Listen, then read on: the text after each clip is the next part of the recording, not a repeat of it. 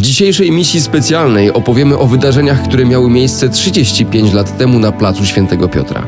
Dokładnie 35 lat temu oddano strzały do Jana Pawła II. Zamach na papieża był szokiem dla całego świata. Jednak kulisy tego wydarzenia do dziś pozostają tajemnicze. Do dziś pozostaje więcej pytań niż odpowiedzi. Oto dzisiejsza misja specjalna. Jan Paweł II, papież z Polski, został zastrzelony.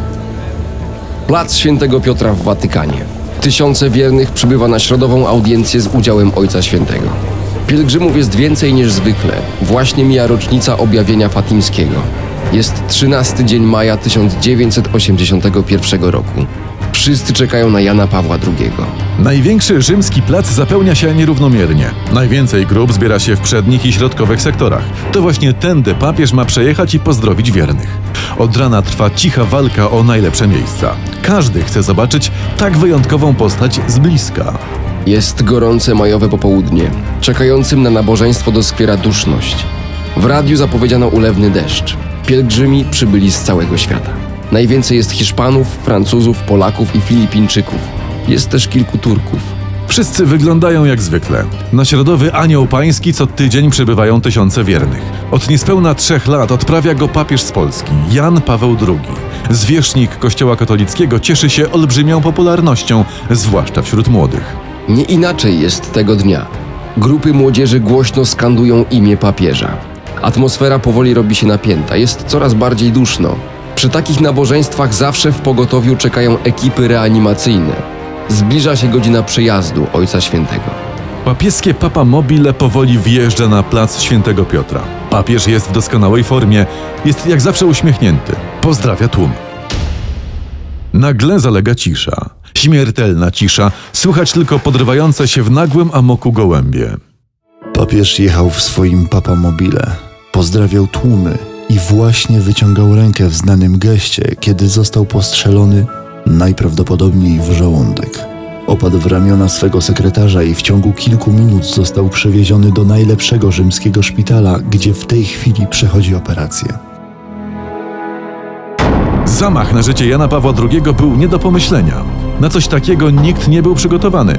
Nie tylko nie wiedziano, jak o tym mówić, nie było jasne, jak o tym myśleć. Na kilka sekund cały świat stanął nad przepaścią. Te sekundy trwały całą wieczność. Gdy na placu Świętego Piotra rozległy się strzały, nagle zapanowała przerażająca cisza.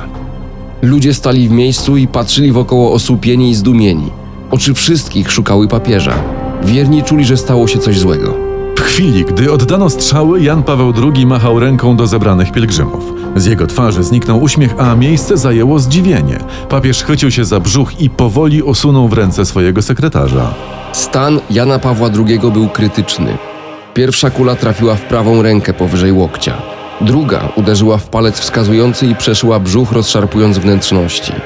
W niewytłumaczalny sposób zmieniła trajektorię lotu i zamiast przebić kręgosłup, przeszła przez bok. Karabinierzy i strzegący papieża ochroniarze rozbiegli się we wszystkie strony. Zamachowiec był bardzo blisko. Największą przytomnością wykazała się siostra Łucja Guidice. Rzuciła się na stojącego obok niej młodego mężczyznę i powaliła go na ziemię. Kilka sekund później przewróconego człowieka mocno trzymał jeden z karabinierów. W tłumie rozległy się okrzyki: Dlaczego to zrobiłeś? Oczy wszystkich zebranych na placu Świętego Piotra i na całym świecie patrzyły na młodego Turka. Nazywał się Mehmet Ali Akça.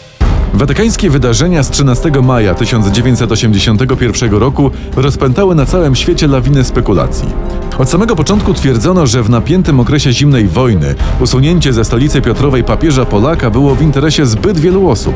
Świadkowie byli zszokowani.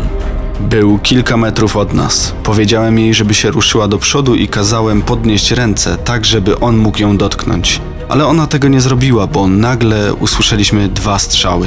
Papież miał dziwny wyraz twarzy i poleciał do przodu, trzymając się za brzuch. Strzały do Jana Pawła II oddał 23-letni Turek Mehmet Ali Akça. Od razu przyznał się do zamachu. Jego zeznania były jednak bardzo niespójne. Cały czas przedstawiał różne wersje wydarzeń, które dla włoskiej prokuratury były równie mało wiarygodne. Dla jednych Ali Akcza był zimnym, perfekcyjnym egzekutorem, a dla innych szaleńcem, który nie wiedział co robi. Młody Turek plątał się w zeznaniach i niezmiennie odwoływał swoje wcześniejsze wyjaśnienia. Z dumą podkreślał swoją przynależność do szarych wilków. Była to działająca w Turcji skrajnie prawicowa organizacja terrorystyczna, która zajmowała się przemytem broni i narkotyków. Dwudziestoletni Akcza bardzo szybko zdobył sobie uznanie w szeregach tej formacji i stał się jednym z jej liderów. To właśnie jemu w lutym 79 roku powierzono zadanie zamordowania Abdiego Ipekciego, redaktora naczelnego największego tureckiego dziennika Milliyet. Zadanie wykonał idealnie. Mimo posadzenia w najcięższym więzieniu w Stambule nie zdradził swych towarzyszy. Najbardziej zaskakujące jest jednak to, że ucieczkę Akczy z więzienia zorganizowały tureckie służby specjalne, wierne prawicowym generałom, którzy już w kilka miesięcy później dokonali w Ankarze zamachu stanu i przejęli władzę. Ali Akcza miał więc w Turcji bardzo wysoko postawionych przyjaciół. Było oczywiste, że tak ustosunkowany zamachowiec nie mógł działać sam. Wina Alego Akczy była bezsporna. Rzymski sąd nie miał żadnych wątpliwości. Młodego Turka skazano na dożywocie. Wyrok miał odbyć w silnie strzeżonym więzieniu Marino di Tronto. Nie rozwiało to jednak żadnych wątpliwości. Na szczęście Jan Paweł II powrócił do zdrowia. Lekarze stwierdzili dziś, że Jan Paweł II jest w coraz lepszym stanie po prawie sześciogodzinnej operacji. W swoim ostatnim biuletynie ekipa z kliniki Gemelli oświadczyła: Papież spędził spokojną noc i cały czas jego stan się poprawiał. Podczas tych pierwszych pooperacyjnych godzin stan papieża jest zadowalający. Niezwłocznie po operacji wczorajszej nocy prowadzący zabieg profesor Giancarlo Castaglioni powiedział: Papież dobrze zniósł operację i mamy nadzieję na jego powrót do zdrowia. W roku 1982 na łamach tygodnika Reader's Digest ukazał się najważniejszy artykuł w historii tej gazety. Kontrowersyjna amerykańska dziennikarka Claire Sterling ujawniła w sprawie zamachu na papieża tzw. Tak trop bułgarski. Rozpętało się prawdziwe piekło. Wątek błyskawicznie został podchwycony przez rzymską prokuraturę. Dopiero wówczas Ali Akcza zaczął z największymi detalami wyjawiać swe powiązania z bułgarskimi służbami specjalnymi. Potwierdził, że zamachu dokonał na zlecenie swoich partnerów z Sofii. Bułgarskie władze natychmiast zdystansowały się do takiej wersji wydarzeń. Tymczasem cały świat uwierzył w trop bułgarski. Jednak dwóm prokuratorom specjalnym, Rosario Prioriemu i Antonio Mariniemu, nie udało się znaleźć dowodów potwierdzających zeznania Aktrzy.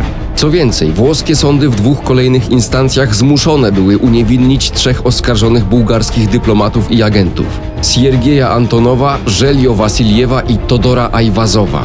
W Waszyngtonie i europejskich stolicach obwiniono rzymskie władze o nieudolne prowadzenie śledztwa. Pomimo zamknięcia dochodzenia, bułgarski trop do dzisiaj pozostaje na ustach tysięcy osób na całym świecie. Jednak największym szokiem okazały się zeznania Alego Akczy dotyczące prawdziwych mocodawców zamachu na Jana Pawła II. O udziale radzieckiego KGB w całej sprawie do tej pory obawiano się mówić na głos. Skazany Turek się nie bał. Padło kolejne oskarżenie, tym razem najcięższe z możliwych. Od samego początku było oczywiste, że na usunięciu Jana Pawła II najbardziej skorzystałyby władze radzieckie. Papież Polak od niespełna trzech lat w socjalistycznych krajach demokracji ludowej tworzył niebezpieczny dla Moskwy ferment. W dzień zamachu w Polsce zapanowała posępna cisza. Pielgrzymka Ojca Świętego do Ojczyzny w czerwcu 79 roku potwierdziła tylko, że komunistyczne władze już stale narażone będą na społeczne oznaki nieposłuszeństwa. Nowy papież był dla władzy w całym bloku komunistycznym bardzo niewygodny. Zarzuty pod adresem radzieckich służb specjalnych pojawiły się w maju 1981 roku. Niemniej to sam Ali Akcza przyznał, że działał na zlecenie KGB, która współpracowała z bułgarskimi agentami. Wersji tej nie udało się potwierdzić. Wątek moskiewski powracał w następnych latach. W roku 1990 kolejne rewelacje przeniósł raport czechosłowackich służb specjalnych. Okazało się, że 10 lat wcześniej praskim agentom działającym na polecenie Moskwy udało się umieścić w Pałacu Watykańskim swojego agenta. Była to żona siostrzeńca sekretarza stanu Stolicy Świętej. W pokojach kardynała Agostina Cazorelego udało się jej umieścić podsłuch – Druga osoba w Watykanie była więc stale kontrolowana przez radzieckich i czechosłowackich agentów. Swoich ludzi w Watykanie miały też polskie służby specjalne. Wysoko postawiony pracownik KGB, Wiktor Szejmow, w wywiadzie dla niemieckiej telewizji ZDF przyznał, że zamach na Jana Pawła II został zlecony przez ówczesnego szefa radzieckich służb specjalnych Jurija Andropowa. Andropow już w dwa lata po zamachu został pierwszym sekretarzem Komitetu Centralnego Komunistycznej Partii Związku Radzieckiego. O ujawnieniu prawdziwej roli KGB nie było nawet mowy. Zamach na życie Jana Pawła II sprzed ponad 30 lat do dziś pozostaje żywym wspomnieniem. Do dziś emocje towarzyszące temu fatalnemu wydarzeniu są bardzo jaskrawe i nie dają o sobie zapomnieć. Cała sprawa pozostaje jednak wciąż bardzo niejasna. Mehmet Ali Akcza został ułaskawiony przez prezydenta Republiki Włoskiej. Turka przewieziono do tureckiego więzienia Kartal, by tam odsiedział swój dziewięcioletni wyrok za zamordowanie Abdiego i Pekciego. Jednak wkrótce sąd w Stambule skazał Akcze na kolejnych 7 lat więzienia, tym razem za handel alkoholem i napady na taksówki pod koniec lat 70. Tymczasem uwagę zwracają bardzo dziwne okoliczności, w jakich śmierć poniosły osoby powiązane ze spiskiem na życie papieża.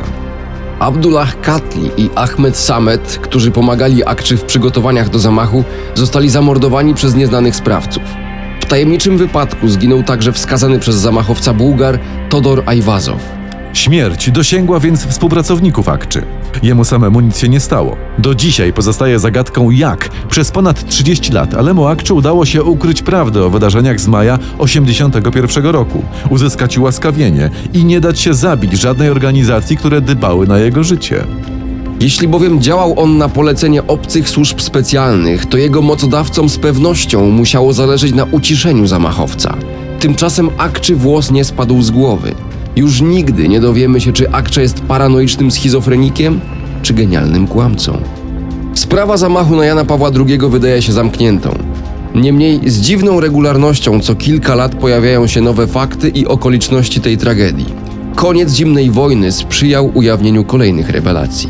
Powszechnie liczono na odtajnienie archiwów bułgarskich służb specjalnych. Jednak kluczowe dokumenty zostały spalone w do dziś niewyjaśnionych okolicznościach. Sprawa ciągle pozostaje otwarta. Misja specjalna dobiegła końca.